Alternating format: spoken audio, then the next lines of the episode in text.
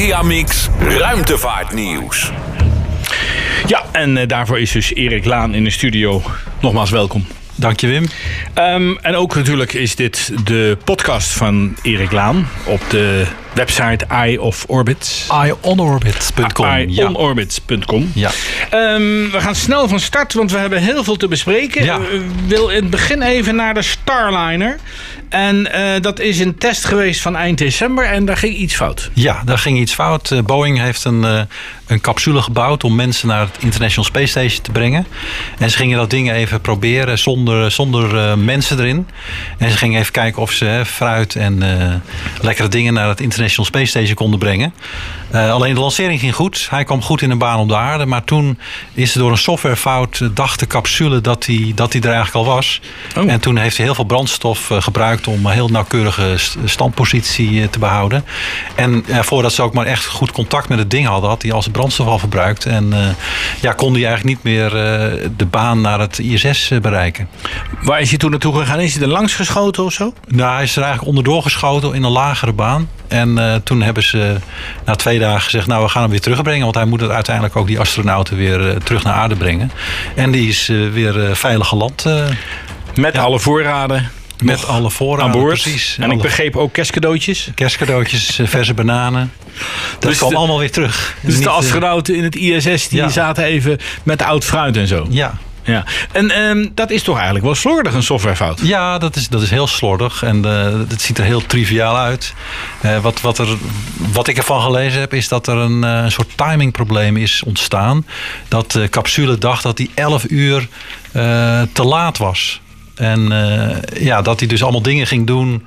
Eh, eigenlijk al die, die, waarvan hij dacht, nou die zijn al gebeurd, want ik ben 11 uur verder. Stond er een klok verkeerd? Ja, stond er een klok verkeerd. Dat is wat ik. eh, nou ja, dat is een kwestie van ergens een getalletje in, in een inputfijltje veranderen. En dan, eh, En doet dan hij ben je er. Maar ja, de, de ins en outs heb ik nog niet echt gehoord van wat er nou echt aan de hand was. En wanneer is nou de volgende test?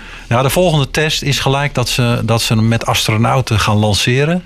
En de verwachting is dat ergens, eh, ja, het tweede kwartaal volgend jaar, april, dat hij eh, dat Volgend met vier jaar? astronauten. Of nee, sorry, dit jaar. Dit jaar, april Ja, dit jaar. April dit jaar dat hij, eh, dat hij naar de ISS gaat met vier astronauten. Maar ik begrijp dat het niet de enige capsule is die astronauten naar het ISS gaat brengen. Want er is ook nog een test van de Crew Dragon geweest. Ja, de Crew Dragon die, die zit in hetzelfde NASA-programma, de Commercial Crew Program. Ze hebben dus twee partijen die dus eh, capsules maken om eh, astronauten naar het ISS te brengen. Dus die, die Boeing Starliner is er een. En die tweede is de, is de Crew Dragon van SpaceX. En die heeft vanmiddag een, een testvlucht eh, gemaakt. Maar even die Starliner is van de NASA. nou, Starliner is van Boeing. Ja. En eh, die levert de dienst aan NASA. Maar die SpaceX is een puur commercieel eh, bedrijf. Ja, maar die levert ook dezelfde dienst als Boeing Ook aan NASA. Ja. Oké, Ja. oké. En die ehm, Crew Dragon, eh, die moet dus ook astronauten gaan brengen naar Ja. het ISS. Wanneer is de bedoeling dat die dat gaan doen? Nou, ook zo ongeveer maart, april dit jaar. Komt dat omdat ze onafhankelijk willen zijn van de Russische Soyuz? Dat klopt, dat is de achtergrond na de, dat ze gestopt zijn met het Space Shuttle-programma in 2011. Hè, toen werd er al gezegd van ja, we moeten nu weer zorgen dat de Amerikanen zelfstandig mensen naar, naar de ruimte kunnen brengen. En dat, ja, dat gaat dit jaar weer gebeuren. Dus negen jaar eh, zijn de Amerikanen daar niet toe in staat geweest. Hebben ze al die tijd eh, Soyuz-capsules moeten, moeten kopen. Ja. En dat gaat dit jaar weer gebeuren. En deze capsules die zijn herbruikbaar. Die zijn herbruikbaar, klopt. Die gaan Ja. dus gelanceerd worden ehm, richting het eh, ISS. Ja. Daar stappen de astronauten uit. Ja. Dan blijft dat ding gekoppeld aan het ISS. En dan nemen ze andere astronauten, neemt die capsule weer mee terug. Ja, En in land dan weer. En die landen dan weer en dan kunnen ze in principe die capsules weer hergebruiken. Of er wel wat naar wat refurbishment eh, dat ze hem weer eh, oplappen. Maar dat moet wel eh, mogelijk zijn. Ehm, maar het ging met die Crew Dragon ook niet helemaal goed. Want ja, die had eigenlijk gisteren gelanceerd moeten worden. Ja, gisteren stond het op de, op de planning, alleen het weer werkte niet mee. En het was eigenlijk een dubbele weersverwachting die ze, moest, die ze in de gaten moesten houden. Zowel de, de weer, het weer op de lanceerplatform, wat goed moet zijn. En boven, hè, ook in de atmosfeer moet het daarboven goed zijn. Maar ook op zee. En ze moesten die capsule ook kunnen, eh, weer, weer kunnen bergen. Dus het weer op zee moest ook eh, aan bepaalde voorwaarden voldoen. En dat, dat, dat deed het gisteren niet. Vandaag wel. Ja, vandaag eh, is hij gelanceerd. Daar gaan we het Ja. straks even over hebben. En even weten, die ehm Starliner, dat was dus een proef om dat ding te koppelen aan ISS. Dat is mislukt. Ja. Die is teruggekomen. Eh, met die Crew Dragon was nu een test om te kijken of ze ehm, in noodgeval kunnen ontsnappen. Klopt, ja. Dat, eh, als er astronauten aan boord zijn en er gebeurt iets met die raket, dan eh, moet het systeem in staat zijn zichzelf los te schieten met een eigen eh, kleine raket. om weg te komen van die, van, die, van die raket, van de grote raket. En dat gingen ze dus vandaag testen op eh, een hoogte van 19 kilometer. Waar die ongeveer 2,3 Mach eh, vliegt. hè, 2,3 keer de eh, geluidsnelheid. Eh, en dat is een, een, plek in de, tijdens de vlucht waar de raket de hoogste maximale tegenkracht krijgt. En, en de grootste trillingen ontstaan. En toen dacht nou, dat is het mooi moment om te testen of dit abortsysteem, of dat inderdaad werkt. Want eh, vroeger had je natuurlijk met de Apollo ook dat soort systemen, ja, toch? Ja, klopt. Die hadden ook dat soort systemen aan boord om te zorgen dat ja, die astronauten veilig eh, weg konden. En dat is toch nog wel eens gebruikt ook? Eh, in Apollo is het niet gebruikt. Voor Soyuz is het eh, twee keer gebruikt. Dat ge- wordt niet, het gebeurt niet vaak. Het is echt een systeem wat je eigenlijk niet, eh, niet gebruikt ziet worden. Of het liefst ook niet. Nee, want de capsule zit op die raket, op die Falcon 9 raket. Ja. En hij is toen gelanceerd, die Falcon 9, vanmiddag. Ehm, en 84 seconden later is die capsule losgekoppeld. Ja. En is die geland met parachutes in zee. Ja. En die Falcon-raket, hoe is het daarmee afgelopen? Nou, die, die is geëxplodeerd. En dat was ook eh, de verwachting dat, dat dat zou gebeuren. En normaal brengen zonde. ze, brengen ze die, die rakettrap ook altijd weer terug. Hè, want dan kunnen ze hem hergebruiken. Ja. Alleen ja, als je dus op, na 84 seconden al, terwijl die in volle werking is, eh, je koppelt die, die capsule eraf. Ja, dan komt hij aan de bovenkant gewoon aan, eh, komt hij de atmosfeer tegen met enorme windsnelheden. Ja, en die zorgt er gewoon dat het hele ding aan elkaar wordt getrokken. Ja. En ja, dan ontploft hij. We gaan even luisteren naar de lancering Ja, en naar de loskoppeling. The Dragon spacecraft is waiting for liftoff. 10, 9, 8, 7, 6, 5, 4, 3, 2, 1, 0. Ignition, liftoff. Simplify, aim high. Go Falcon, go Dragon. Down range.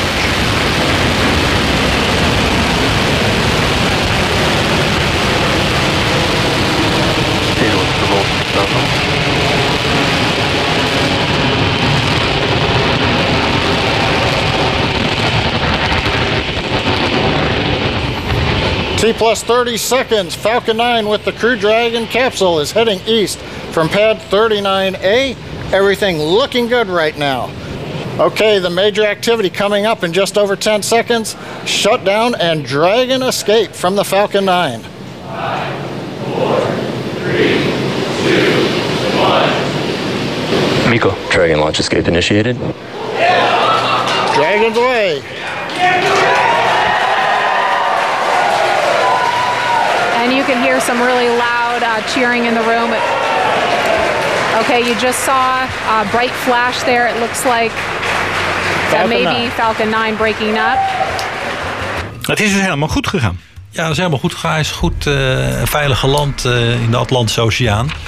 En eh, ja, ik ben heel benieuwd hoe ze hem terug hebben gevonden. Hè, of er nog wat, eh, wat mee gebeurd is onderweg.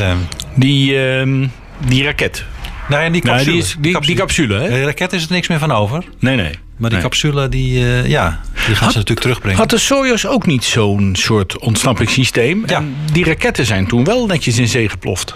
dacht Eh, ik. Nee, die Soyuz is vorig jaar een keer met eh, twee astronauten aan boord. heeft hij ook dat systeem gebruikt. Eenzelfde soort systeem. Zijn die astronauten veilig ook weer geland. Maar ook ja, die Soyuz-raketten, die, die, daar blijft ook niks van Daar blijft over. ook niks van over. Je luistert naar Mediamix en we hebben het vandaag over ruimtevaart met Erik Laan. We gaan eh, snel verder, Erik. Ehm, want dit jaar, 2020, wordt een recordjaar voor raketlanceringen. Dat klopt, er zat heel wat te doen dit jaar. Ik kan wel elke week langskomen, denk ik. eh. Nou, welkom. we hebben niks anders meer. Dat gaat het niet worden, denk ik. Nee. Eh, China, Uh, ja, China als eerste. Die gaan dit jaar 40 raketlanceringen doen. En de meest in het oog springende, dat zijn uh, ja, twee missies. Ze gaan een Lunar Sample missie doen. Een sample return. Dus ze gaan naar de maan en ze halen daar een sample een monster op van het maanoppervlak en brengen ze terug naar de aarde. Dat is uh, ja, sinds de jaren 70 eigenlijk niet gebeurd. Oké. Dat is heel bijzonder. En uh, ja, nog bijzonder vind ik zelf dat ze voor het eerst naar Mars gaan vliegen. In, uh, in juli gaan ze met hun nieuwe raket, de Long March 5, vliegen ze een, een, satelliet en een, een rover om rond te rijden op Mars. dus dat is ook heel bijzonder. Maar wanneer komt die aan? Die komt ergens volgend jaar, februari, maart, op Mars aan. 2021. 2021, ja. ja. En dan is er het een en ander in... Um ja, in Frans, uh, Frans Guyana, hè, Amerikaanse ja. ruimtehaven. Daar gaan ook een hele hoop raketten weg. Ja, precies, die Amerikanen hebben nu op de planning 48 lanceringen. Er is nog nooit zoveel uh, lanceringen geweest, ook vanaf Amerikaans grondgebied. Uh, ja, wederom een bijzondere missie ook weer Mars Rover 2020. Dus ook naar Mars gaan ze in juli. Uh, en ook weer in februari, maart komen ze aan op Mars. Dus het wordt heel interessant uh, dat je zowel een Amerikaanse als een uh, Chinese missie straks op Mars gaat zien. En last but not least natuurlijk ook de Europeanen. Die gaan ook naar Mars. En die gaan dit jaar 22 lanceringen doen vanaf Frans, Frans Guyana, Kourou. En ja, die gaan dus ook met de ExoMars-missie uh, vliegen ze dit jaar. Daar gaan we het zo over hebben, ja. ja. ja. Want er zijn ook nog uh, heel veel lanceringen met allerlei satellietjes. Uh, ja, dus, dus uh, Europa die vliegt uh, bijvoorbeeld heel veel uh, missies voor OneWeb. Dat is de tegenhanger van Starlink, de, van, van SpaceX. Ehm, en ja, de Chinezen die doen veel aan navigatiesatellieten, Baidao de GPS van de Chinezen. Doen ze heel veel lanceringen voor. Ja, en de Verenigde Staten hebben datzelfde met al die Starlink-missies uh, die gaan komen. Want er moeten ruim 42.000 satellieten. Ja, uiteindelijk hebben ze, hebben ze zoveel satellieten aangemeld dat ze zoveel satellieten gaan lanceren. Dat wordt, ja, wat mij betreft, veel te druk dat, kan, eh, dat leidt alleen maar tot, tot problemen uiteindelijk. dat je zoveel satellieten in een baan om de aarde krijgt. Ik begreep dat dat zelfs gaat leiden tot het Kessler-syndroom. Wat is dat heel kort? Nou, het Kessler-syndroom is, het, is, is een effect wat, wat optreedt als je meerdere. Als je op een gegeven moment zoveel satellieten in een baan om de aarde krijgt dat ze met elkaar gaan botsen. En dat elke botsing eigenlijk eh, weer meer fragmenten oplevert dan daarvoor. En dat elke fragment ook weer gaat botsen. En dat je een soort cascade effect krijgt. Ja. Dat je op een gegeven moment alleen maar een grote dust wolk om de aarde hebt van allerlei fragmenten. Dat gaat niet goed. En dat je dus de ruimte niet, niet meer kunt gebruiken. Okay. En dat is het Kessler-syndroom. En dat wil je natuurlijk voorkomen. En ja, als SpaceX uh, 42.000 satellieten gaat lanceren, ja, dan ja, dat is de start eigenlijk uh, van dat syndroom. Het zal niet zo'n vaart lopen. Dat duurt hè, tientallen jaren voordat dat echt uh, doorzet. Maar je moet het gewoon vroegtijdig moet je dat stopzetten. Het is eigenlijk tijd voor een wereldwijde regelgeving. Dat, ik, ik had het niet beter kunnen zeggen. Ja. Um, dan gaan we even naar Mars. Want dat is dus vol, dit jaar best wel belangrijk. Een aantal ja. landen gaan die kant op. En uh, een van de um, ja, bekende Mars-missies is van de ESA de EcoMars. De Rosalind Franklin. De Rosalind Franklin. De ExoMars, zoals die voorheen genoemd wordt. Nu Rosalind Franklin. Ja, Rosalind Franklin was een, een, een Britse wetenschapper. Uh, geboren in de jaren 20. En heeft veel baanbrekend onderzoek gedaan naar DNA.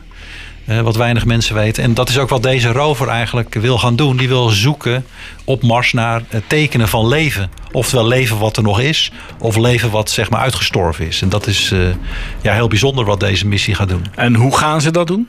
Nou, wat het unieke van deze missie is, dat ze een boor mee hebben. En die gaat uh, ja, tot wel twee meter diep de grond in. Want als er echt een plek is op Mars waar je leven zou kunnen vinden, dan is dat niet op het oppervlak. Want ja, daar, daar zit de, de, de, de, de straling van de zon, de kosmische straling. De, Mars heeft geen, geen, uh, geen Dus als er leven is, dan zit dat in, in de grond. En dat, dat gaat deze rover, die gaat daar naartoe met die boor. Ja, ja, en dat gaat gebeuren. Die lancering gaat plaatsvinden ergens eind juli. Eind juli, begin augustus gaat die gebeuren. Vanaf met een protonraket, met een Russische raket. En waar vandaan? Vanaf Baikonur. Baikonur. Kazachstan. En dan is je dus ergens in 2021 is je er. Ja, gelijk met die Amerikaanse en die Chinese rover. Dus het wordt echt, uh, echt druk. En ik begreep dat er onder andere um, het heel belangrijk is dat die parachutes uh, goed werken. Want uh, hij moet van 21.000 km per uur ineens binnen zes minuten bijna stilstaan. Ja, dus dat is nog een heel kritiek punt wat, wat echt actueel is nu. Ze zijn die parachutes aan het testen van die ExoMars-missie. Als je aankomt bij Mars moet inderdaad ja, enorm afremmen om goed te landen op Mars. En daar worden parachutes voor gebruikt. En in, in testen die eh, aan het eind van vorig jaar zijn gebeurd, ja, hebben ze een aantal problemen gezien met, die, met, met het uitklappen van die parachutes. En het is heel moeilijk om die parachutes op aarde te testen işte. Met dat soort snelheden.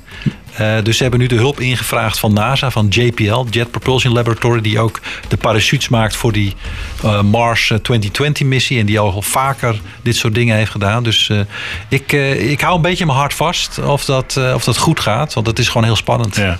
Nou, we gaan het volgen en ik hoor van jou nog wel eh, later dit Ja. jaar hoe het allemaal eh, Zeker eh, weten. ontwikkelt. Eh, ja, dan even een controversieel onderwerp. Want er is een Japanse miljardair, een Yusaka Mazawa, Maezawa. En die wil een vriendin, die zoekt een vriendin, waarschijnlijk via eh, Tinder of zo, om eh, mee te reizen naar de maan. Ja. Ja, die heeft inmiddels een, een, een kaartje gekocht bij Elon Musk van SpaceX om met een, eh, met die, met de nieuwe eh, raket Starship eh, naar de maan te vliegen en dan om de maan heen te vliegen en weer terug te komen. Zijn eerste plan was we gaan met artiesten en kunstenaars en, en, en muzici naar de maan. Maar dat heeft hij nou veranderd dat hij zegt ja, ik ga daar een honeymoon van maken. Ik, wil, hè, ik ben vrijgezel. En ik zoek een vriendin. Wie wil met me mee? Meld je aan. En eh, ja, dan gaan we er een romantisch stripje om de maan van Een maken. Ja. soort- soort huwelijksreisje. Een soort huwelijksreisje, ja. Ja, alleen het is een vrij duur huwelijksreisje. Denk je dat hij kans maakt? nou, hij heeft, hij heeft het geld. Hij heeft, eh, wat is het, 3,2 miljard gel, eh, dollar op zijn bankrekening. En dat, eh, ja, daar, daar kun je wel zo'n missie van uitvoeren. Zijn er eh, meisjes, vrouwen die zich allemaal aangemeld? Ja, ik heb eh, vernomen op internet dat er al eh, duizenden meisjes zich hebben aangemeld. Ja. Maar ja, ik vind het enigszins cheesy, zeg maar, dat dit, eh, dat dit plaatsvindt. Ja. Ik vind ja, om op deze manier zeg, het gaat wel over de, de eerste vrouw naar de maan.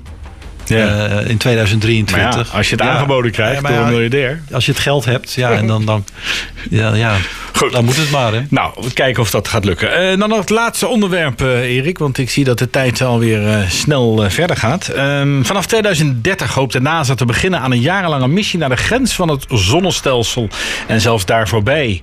En ehm, ja, daar zijn ze dus mee bezig. Dat heeft onlangs in een landelijk dagblad gestaan. Eh, hoe staat het daarmee? Wat, wat, wat vind je daarvan? Nou ja, dat is een hele interessante missie, de Interstellar Probe. En die wil eh, eigenlijk eh, ja, in de ruimte komen buiten de invloedssfeer van de zon. Want je hebt zeg maar de sterren, waar de zon ook één van is.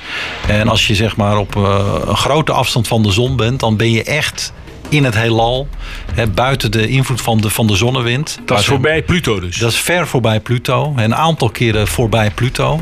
En als je daar bent, ja, dan, kun je, dan zie je de echte ruimte. En daar eh, willen ze dus ru- ruimte. ehm, Ja, daar, wil- daar willen ze heen met een ruimteschip. En ze zijn, ruimteschip, er, ja. ze zijn er in principe al met de Voyagers en de Pioneers. Die zijn ja, hoe lang doe je 70 daarover? Nou ja, de Voyager is daar eh, afgelopen jaren aangekomen in dat gebied. En die zijn in 1977 gelanceerd. Dus dan praat je over 40, 40, jaar. Ja. dat is ook wat ze met deze missie nou willen doen. Hè. Die SLS-raket die NASA ontwikkelt. De grootste raket en sterkste raket ooit. Ja, die willen ze gebruiken voor deze missie. Dan willen ze een hele kleine satelliet bovenop een superraket zetten. Om dat ding echt een, Want een je moet echt een geven. boost hebben vanaf de aarde. Ja, je moet een supersnelheid hebben om, eh, om er inderdaad, inderdaad niet 40 jaar over te hoeven doen. Nee. Je kan dat best in 10 jaar doen. Eh, als je maar even vier keer zo hard gaat. eh. Nou, ook dat eh, gaan we volgen. Het is pas eh, vanaf 2030. Ja. Dus we hebben nog even de tijd om daar eh, wat meer informatie over te krijgen. Dankjewel, Erik. Alsjeblieft, tot de volgende keer.